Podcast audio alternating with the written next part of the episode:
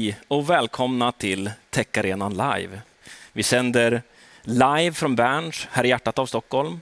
Och det här är en aktivitet som normalt sker i ett bubblande Almedalen som vi har gjort flera gånger tidigare, men som nu av naturliga skäl, den här våren har ju varit minst sagt spännande, sker på distans eller digitalt, eller distribuerat, eller till och med kanske demokratiskt om man så vill. För nu kan alla som har en internetuppkoppling följa oss här på Techarenan. Och det här är en anpassning som vi på Techarenan gör eh, som en respons på den här våren för att vi ska fortsätta att utveckla hur vi vill vara en mötesplats för innovation och entreprenörskap. Så det leder oss lite grann in på dagens ämne och jag tittar på min panel här. Eh, för idag ska vi prata om hur entreprenörerna ska anpassa sina affärsidéer kopplat till corona och den här våren. Och är det nya normala nu att vi investerarna ser mer på lönsamhet än på tillväxt? Så för att hjälpa mig med det så har vi en jättefin panel, en bra dynamik skulle jag vilja säga. Så jag tänker att jag presenterar er en och en här nu och så får ni berätta lite grann. Och jag ska vilja börja med dig, Rebecka. Hej, Rebecka Lötman Rydå, Investment Manager på Industrifonden och välkommen. Hej Mats. Tack för att jag får vara här. Det känns jättekul. Eh, lite kort om Industrifonden kanske för ja. er som inte känner oss eh, sedan tidigare. Vi är en VC-fond som fokuserar på att hitta framtidens industrier och gör det framför allt genom tre olika fokusområden. Vi har life science, vi har deep tech och vad vi kallar transformative tech. Ehm, och eh, vi investerar typiskt sett i sådd eller tidiga A-rundor, allt från 10 till 30 miljoner. Ehm, och är väldigt aktiva ägare i alla våra bolag och kan ofta följa med bolagen och investera upp till 100 miljoner i ett enskilt bolag. Um, och något som jag tycker skiljer oss lite grann från andra investerare är väl förutom att vi verkligen fokuserar på bolag som vi tror genom sin innovationskraft och genom sin transformativa effekt kan bidra till ett mycket bättre Sverige och ett mer konkurrenskraftigt Sverige så uh, är vi också väldigt bra ägare, om jag får säga det själv. Mm. Eh, genom att vi inte har den eh, klassiska fondpressen, för vi är stiftelseägda, så kan vi vänta med att göra en exit tills tajmingen är helt rätt, om det behövs. Vi håller inte heller på att resa kapital, vilket betyder att vi har mycket tid att lägga på bolagen vi investerar i. Och vi har också väldigt mycket erfarenhet. Vi har funnits i över 40 år. Och den erfarenheten i kombination med ett väldigt erfarent team gör att vi hoppas att vi kan bidra med bra know-how till våra bolag. Men vi försöker också utnyttja det faktum att vi har 50 bolag i vår mm. portfölj och koppla samman dem så mycket som möjligt för att kunna kunskapsdela sinsemellan, vilket är något vi tror väldigt mycket på.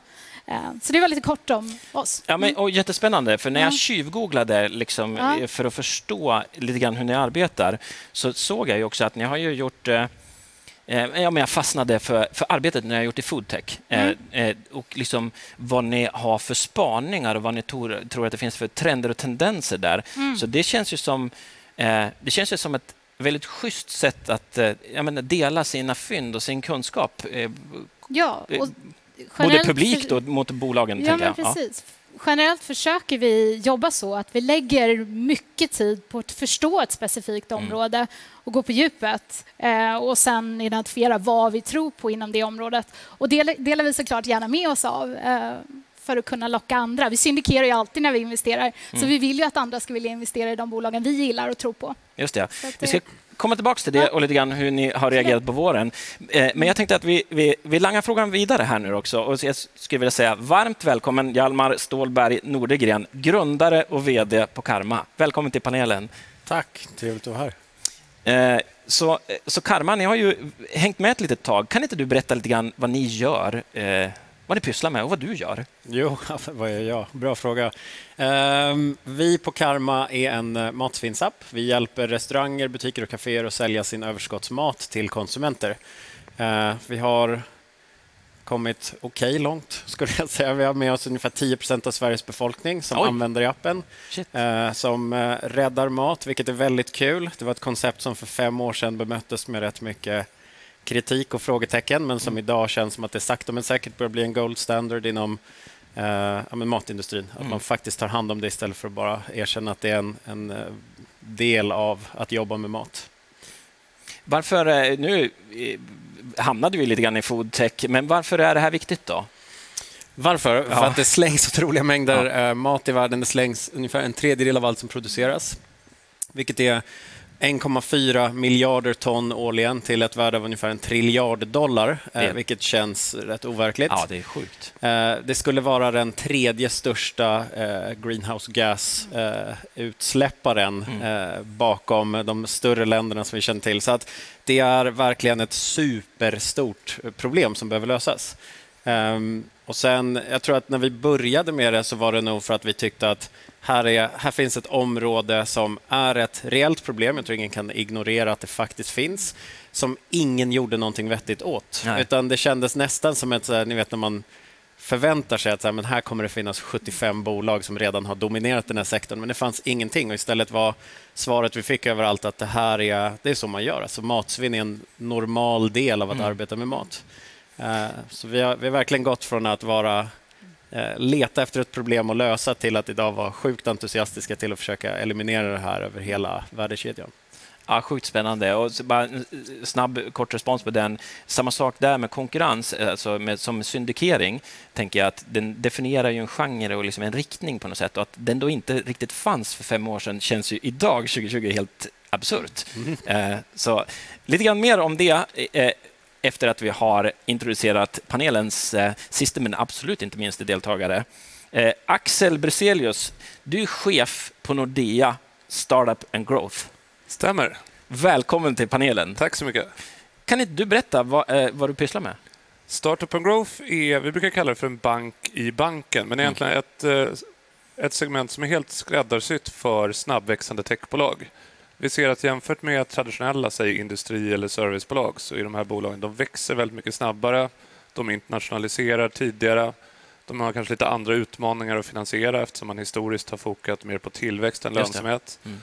Och då har vi en nationell enhet som täcker här, jobbar med ungefär 400 av eh, Sveriges liksom, mer spännande techbolag idag. Hur, hur, länge har ni haft det här eh, konceptet, kan man kalla det, eller satsningen? Satsning tycker jag ja, låter bra. Ja, ja. Um, I två år, nästan exakt. Just det, ja. Ni börjar bli liksom gammal i startup-gamet med den här tidshorisonten. Ja, det, känns, det har hänt mycket på två år, ja, så det, det känns så. ja, men vad spännande.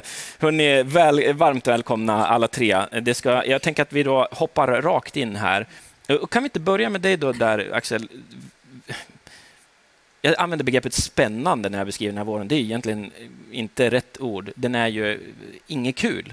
Eh, inbromsningar, eh, utmaningar, men samtidigt kanske det finns silver linings. Hur har, hur har den här våren varit för er? Jag tror att som alla andra så gick vi in med en stor oro. Dels mm. såklart på ett personligt plan för närstående och samhället, men också för, för våra bolag. Det var ju liksom, det var en kort period när allting bromsades in. Och yes. så har det varit. En del av våra bolag har haft väldigt svårt att sälja sina produkter. Dels när folk inte kan gå ut på gatorna och konsumera dem för vissa typer av bolag eller när du inte kan åka och träffa dina kunder. Men det har också verkligen funnits en silver lining. Mm. Många bolag i tech bygger ju på ett liksom, digitaliseringssprång. Mm. Och säljer du till exempel utrustning mot företag som hjälper dem att digitalisera så är det ju många företag som har sett att där du kanske hade 10 early adopters tidigare mm. så är det kanske 50% som har tvingats ta till sig av det här. Och där tror jag har skett ett permanent skifte. Så det, det, man kan säga då, om vi ska söka efter positiva liksom, effekter av det, det är att eh, det, det blivit någon form av påtvingad, mina ord, sense of urgency, alltså att man, man liksom tvingar fram förändringar här. Ja, en öppenhet för förändring. För yes. Eh, du kan inte göra exakt vad du gjort förut. Eh, tillväxt är ju också det är en jättestor och central dialog för nästan allting som pågår här på techarenan. Eh, men den blir ju också svår i i bromsning. Hur, hur för du dialogen om den på jobbet idag med dina kunder och partners? Jag tror jag, det är en så väldigt bred sektor, så det träffar ju väldigt olika. Mm. Men jag tror det är viktigt att bolag hittar vad som fungerar för dem. Vi har haft ganska många kunder som har varit helt beroende av att kunna träffa vissa tillväxtmultiplar för att sen vara relevanta för en del av Rebeckas kollegor. Framförallt mm. kanske en del andra fonder som är väldigt mycket så här, det ska tredubbla eller fyrdubbla omsättningen. Många kommer inte kunna träffa det nu och ja. där gäller det verkligen att, att tänka nytt. Och Det för mig egentligen också över till dig, Rebecka. nu representerar ju du inte liksom hela din bransch på något sätt. Nej, Ni har ju era egna liksom, mm. Eh, inriktningar på Industrifonden. Men onekligen så kommer ni ha många samtal om tillväxt och mål här under hösten och mm. kanske under flera år framåt. Mm. Hur, hur, hur tänker du kring det? Jag tycker det är en av de absolut tuffaste frågorna som vi brottas med i många av mina bolag. Liksom hur ska vi bromsa tillräckligt mycket för att säkerställa att vi överlever mm. samtidigt som vi måste kunna visa på någon slags tillväxt eller traction eller värdeskapande i bolaget för att kunna resa mer kapital. Yes. Och I och med att vi inte vet hur länge den här krisen ska hålla på Nej. så är det jättesvårt. Men jag tror ju för jag tror du ställde frågan så här, hur ska man anpassa sin affärsidé efter krisen. Mm. Och någonstans tror jag att affärsidén ska du inte ändra. Alltså, håller din affärsidé över tid, mm. då ska den ju hålla efter krisen också. Ja. Däremot kan du behöva anpassa vissa saker just nu. Du kan behöva se över din liksom, product marketing så att, mm. och din kommunikation med kunderna så att den passar deras utmaningar just nu. Du kan även behöva anpassa din betalmodell och mm. dina villkor för att hjälpa dina kunder lyckas. Jag tror också du måste fokusera väldigt mycket mer på dina befintliga kunder för att få dem att lyckas. Och gör du det och klarar dig igenom den här krisen genom att ställa om på nödvändigt sätt, då hoppas jag att vi och många andra VCs kommer kunna se bortom en tillfälligt intäkts liksom, eller tillväxttapp och yes. se på den mer långsiktiga liksom, hållbarheten i affären.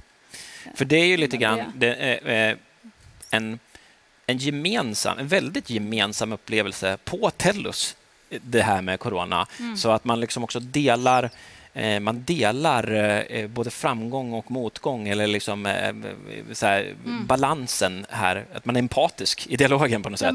Ja, det, det är det jag tycker jag hör här. Då, ja. så. Så, så Hjalmar, jag eh, tänker på dig då som sitter mm.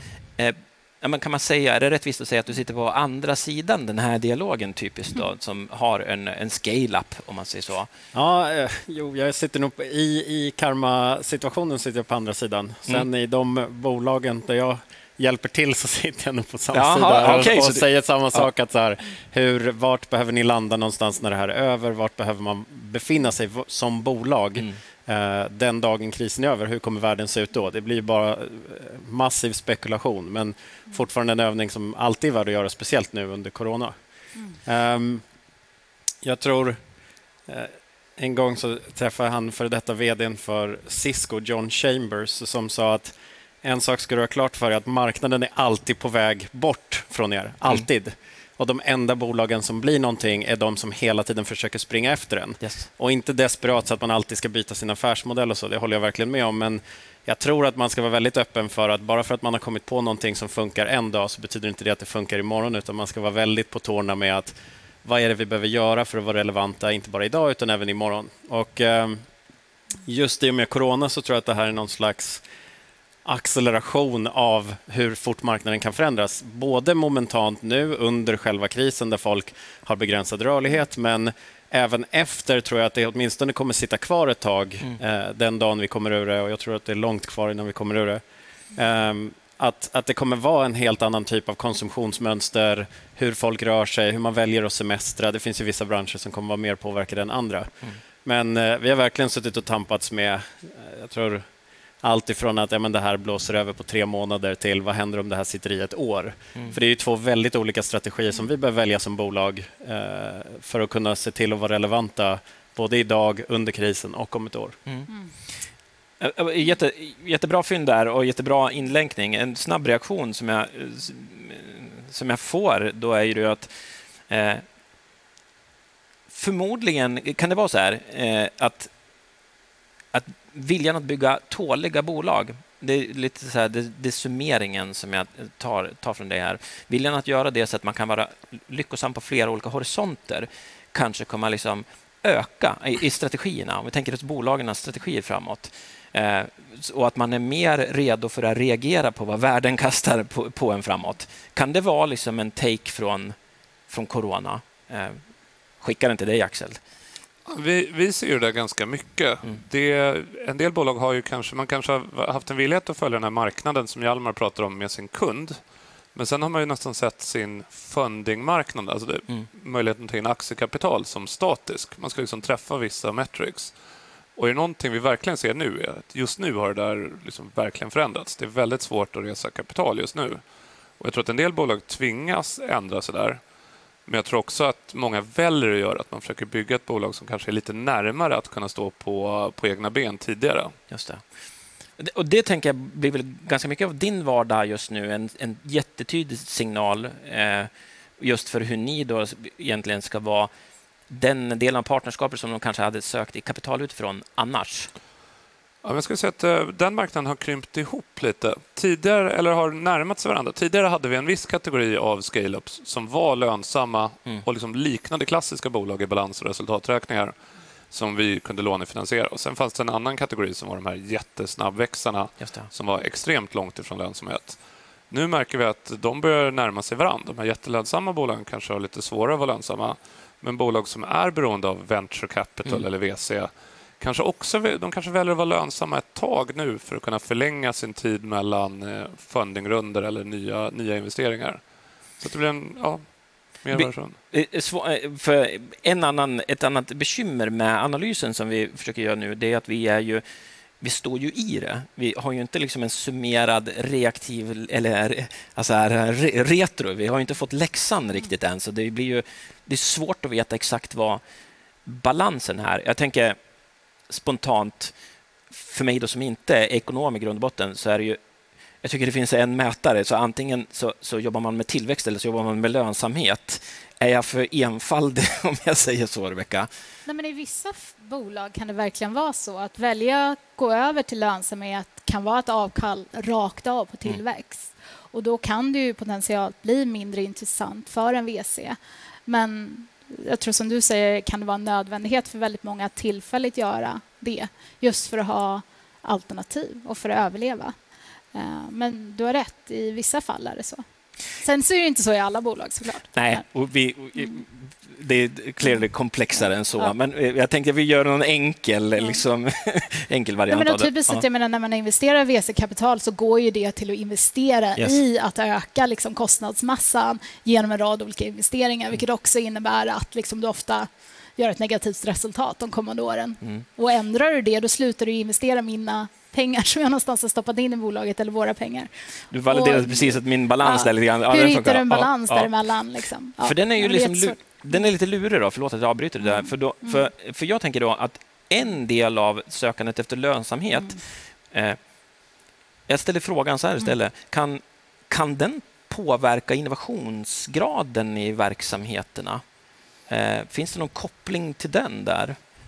Reaktion? kan ju stimulera innovationskraften i bolaget också genom att du måste vara extra kreativ i liksom, krisläget och verkligen eh, liksom, trolla med knäna ja, om du kan det. Eh, men absolut, jag menar, drar du ner på dina utvecklingsresurser och permitterar dina utvecklare det, det blir svårare. Din, svårare. Ja, då kan det bli svårare. Mm. Hjalmar, spontan reaktion för dig i dina bolagsengagemang. Ser du liksom, hur ser du på balansen mellan lönsamhet och tillväxt? Eh, det beror väl lite på var man står när krisen slår till. tänker jag. Har du precis rest kapital och har möjlighet att accelerera i ett år framöver utan problem, ja, men då kanske man inte behöver göra någon massiv omställning på grund av eh, corona om man inte är superskeptiker och tror att det kommer sitta i betydligt längre än så. Ehm, men eh, om, man, om jag bara tittar till vad vi själva har gjort så har vi, vi har jobbat med restaurangbranschen och dagligvaruhandeln och grossister under väldigt lång tid sett att jättemånga av dem har drabbats mycket, mycket hårdare än vad vi mm. har, vilket i sin tur gör att vi drabbas. Vi, vi fick världens eh, känga här för att vi gick ut i det digital och sa att vi hade rekordmånad i mars och sen så slog eh, corona till och då fick vi givetvis så påverkade det oss sekundärt. Inte för att vi drabbades liksom direkt av att det var minskad eh, rörelse ute men det var ju flera av våra restauranger och butiker som tillfälligt stängde igen och som fortfarande inte har liksom fått tillbaka normala mm. volymer. Vilket gjorde precis då som Rebecka sa, att vi, vi var tvungna att eh, titta på, okej, okay, det finns ju två vägar till lönsamhet, antingen dra ner kostnaderna eller öka intäkterna. Mm. Så att dra ner kostnadsspåren behöver man inte ha så mycket innovation Nej. för att göra, men, men öka intäkterna var ju verkligen, det är ju det spåret som jag tror att de flesta vill gå om det finns möjlighet. Och där såg vi att vi har pratat väldigt länge om att vi har den här kontakten med grossisterna som har hur mycket frukt och grönt över som helst som de alltid frågar om vi kan ta hand om. Mm. Och vi har sagt nej, nej, nej i flera år, vi måste foka på det här. Men här blev det ju då ett gyllene tillfälle att säga okej, okay, vet ni vad, eh, vi tar det här. Mm. Så på tre veckor så gick vi från att aldrig ha jobbat med någon lagerhållning eller någonting till att vi nu har ett frukt och grönt lager och eh, skickar ut vad vi kallar för karmalådan som är att man då prenumererar på frukt och grönt eh, både hem till privatpersoner och nu sen någon dag tillbaka även till kontor så man kan ersätta den vanliga frukt och grönt-lådan med någonting som är hållbart istället. Det tycker jag är så häftigt att ni gjorde. Och det, där, det är ja, verkligen det jag tänker, att ur kris kan det komma både nya väldigt eh, innovativa, häftiga bolag mm. men också att eh, befintliga bolag kan anpassa sig. Det är väldigt coolt. Sen tänker jag, ap mm. apropå de här ändrade beteendena i krisen, för att lite det ni båda är inne på är ju, som, som jag ser det så finns det kanske en, en konflikt mellan det här att satsa på tillväxt som då kanske ger högre värderingar och större runder eller lönsamhet som gör att pengarna från förra rundan räcker längre. Då. Mm.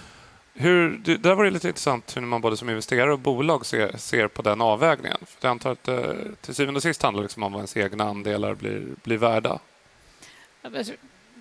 Nu kastade jag in en fråga. Ja, men det är jättebra. Ja, och jag eh, precis. De, de flesta bolagen jag jobbar med har ändå valt att vara försiktiga. Mm. Mycket för att vi inte vet hur länge här, den här krisen kommer att hålla på. Och Då behöver du alternativ. Du behöver alternativ om du inte kan resa kapital eller om dina kunder plötsligt får det ännu svårare och inte fortsätter köpa dina tjänster. Så De allra flesta har valt att dra ner på liksom, kostnadsmassan och ändå förlänga runway eller till och med kunna gå, kunna växla över till lönsamhet mm. eh, om de vill. Och jag tror ändå att det är sunt när så mycket är osäkert fortfarande. Får jag eh, för det första tacka då, Axel för att du, du hjälper mig. Eh, och andra, så jag skulle vilja att ni stannar kvar i den där osäkerheten lite grann eh, och veva in ett perspektiv från ja, men egentligen arbetssätt som kommer mer från min värld, som är digital tjänsteutveckling om man så vill. Där, eh, där eh, ryms vi under ett paraply som vi kallar agil, där vi jobbar mot en väldigt osäker horisont hela tiden. Så man vet helt enkelt inte eh, omvärldens reaktioner på det som man kommer ut. Alltså, så då måste man ändå klara av att planera. Kan tänker jag, stor tanke nu då, men kan det här leda till att vi accepterar att framtiden är mer osäker och ställa om mm. hur vi ska använda finansiella instrument eller andra stöd eller hur vi ser på fonder? Och, eh, kan det bli liksom ett sånt decennium av det här? Mm. Eh, jag börjar med dig, Axel. Det är en svår fråga här. Men Nej, men om jag tittar i mitt eh, liksom, närsynta del av det här intervallet så tror jag verkligen det. Mm. Alltså just det att företag kanske är lite mindre fast i att man ska gå en viss väg. Vi ser ju bolag som är väldigt öppna nu med att vi, vi tänker ha en stabil period. Vi kommer inte öppna några nya marknader i två år mm. och då lånar vi pengar till det här så att vi inte behöver spä ut våra ägare och så vidare. Mm. Och sen när det sitter, då ska vi gasa i Asien. Mm. Då kommer vi vara superförlustbringande i några år. Det där är lite nytt för mig. Innan var det liksom att man hade en väg som man verkligen skulle köra på hela tiden. Det ändrar egentligen snabbt kulturen i startup scale-up-klimatet helt enkelt.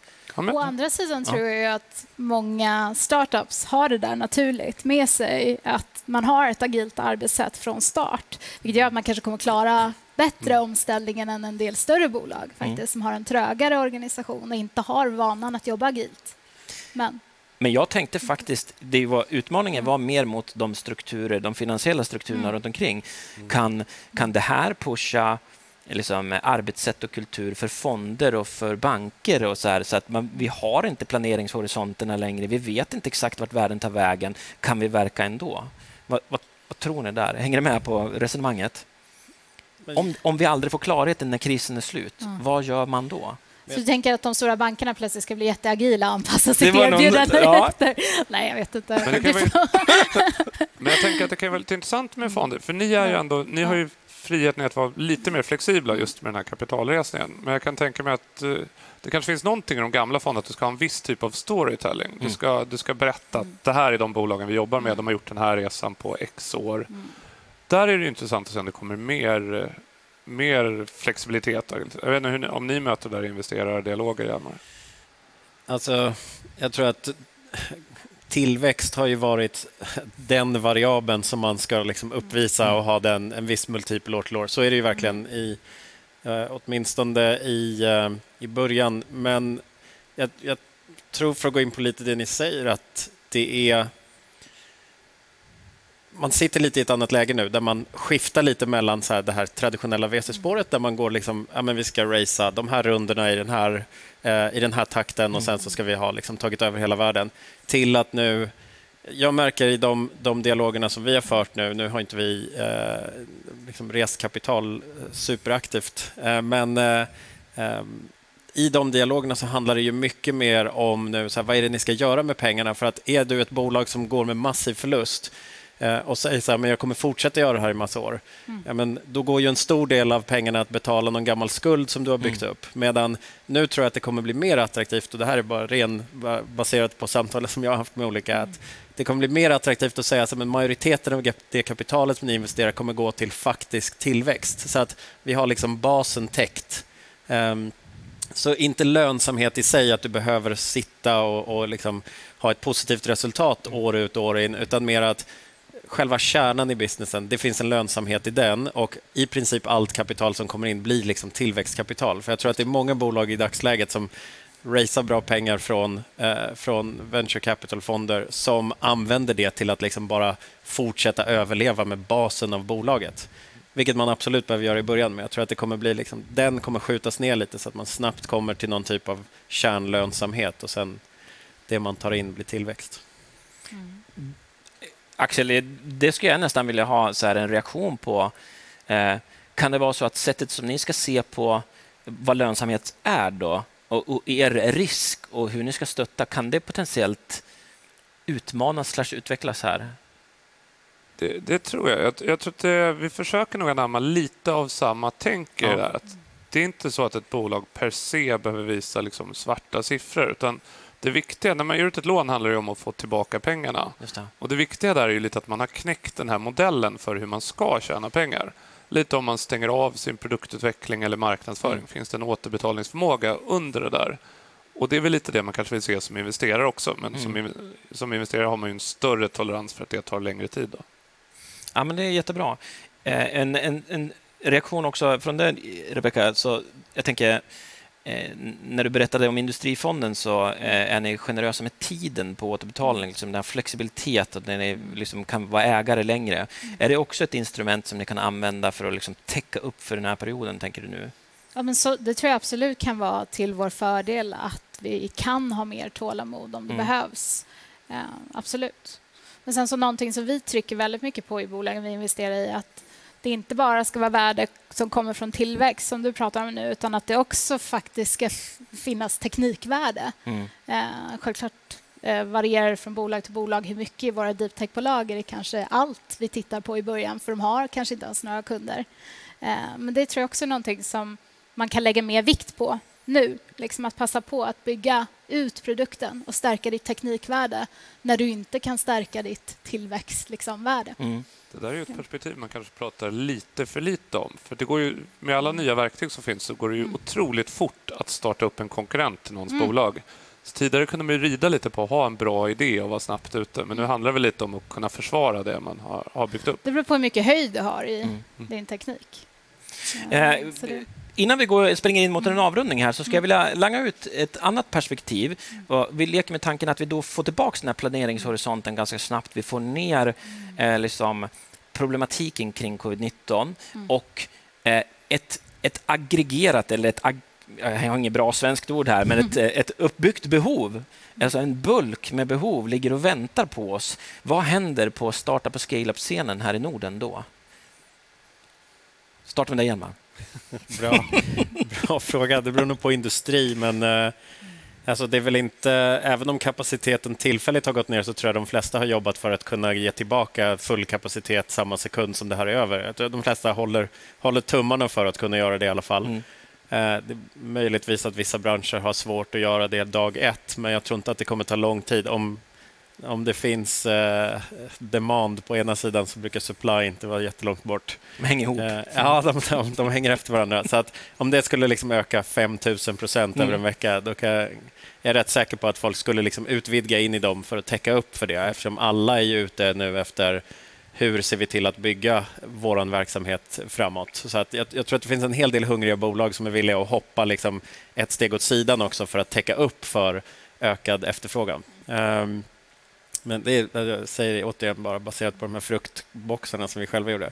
Men sen tror jag att, att eh, det är verkligen, för att knyta in till den frågan vi hade tidigare också, det, det handlar mycket mer om att hitta det här som alla tekniska termen unit economics, att hitta mm. liksom så att ekonomin i botten makes sense för det man håller på med. Eh, om du hittar det eh, för, alltså säg eh, när vi startade Karma till exempel så hade ju vi liksom Unit economics för oss var något sånt VC-ord som man hade i pitcharna och sen så har vi insett att här, det där är superviktigt att ha koll på. Och när vi nu gjorde boxsatsningen så sa vi så här, men om vi innan vi ens har satt igång kan säga att så här, det här går ihop på bottenraden, ja, men då, då är vi i en position, det är en helt annan typ av verksamhet att finansiera. Och jag tror att det kommer finnas, det är ju de som kommer klara sig, förhoppningsvis säger jag nu, men mm. eh, det är ju den typen av liksom överlevnadsstrategi som jag tror kommer klara sig igenom sådana här kriser oavsett om det är den här nu eller någon som kommer framåt. Mm. Um, nu vek jag av från supply Nej, fast det är en, en jättebra spaning och någonstans också en bra summering lite grann för vårt samtal. Att så här, om man fokuserar på att bygga sig själv tålig under den här tiden, att man håller igång dialogen med de, vilka en partners man har för sina finansiella instrument, banker och fonder, så att man gör sig jag, jag, tolkar det som att man gör sig både så redo för att agera när man ser att det, äh, även om det, kommer, om det blir en 5000 procents eh, hockeyklubba eller om vi har en sakta återbyggnad, så är det liksom, vägen går liksom någonstans fram genom att bygga det tåligt med hög flexibilitet framåt. Är det en fair summering av det vi har pratat om här? Det tycker jag är en bra poäng också. Och det här kanske vettar de bolagen som faktiskt har en hållbar affärsmodell ja. över tid. liksom. Och inte bara... Ja. Så summan det var ju, mm. Frågan var ju mm. felställd av oss här mm. egentligen. Mm. Eh, affärsmodellen, är den tålig, då är, det här bara, då är det här en av matcherna bara som den ska klara av över tid. Sen tror jag slutligen att man ska inte missa att det kan ju också vara en gigantisk eh, affärsmöjlighet för utmanare. För det har ju lite kastat upp alla beteenden i luften. Mm. Ta en bransch som resebokning till exempel. Det är klart, om ingen har bokat en resa på nio månader, då har du ganska stor chans att lansera din uppstickartjänst. Just det. Och någonstans det får vara Qn ut för oss här i det här samtalet från Techarenan. Eh, vi eh, sprang över ett, ett långt fält ett stort fält av optioner som eh, verksamheter framåt, alltså startup på scale och framåt har för att egentligen överleva den här perioden. Vi gör oss redo förhoppningsvis för en 5 1000 procents ökning av, av eh, demand. Så jag skulle vilja säga tack från oss och på återseende i nästa paneldebatt. Tack så mycket. Tack. tack.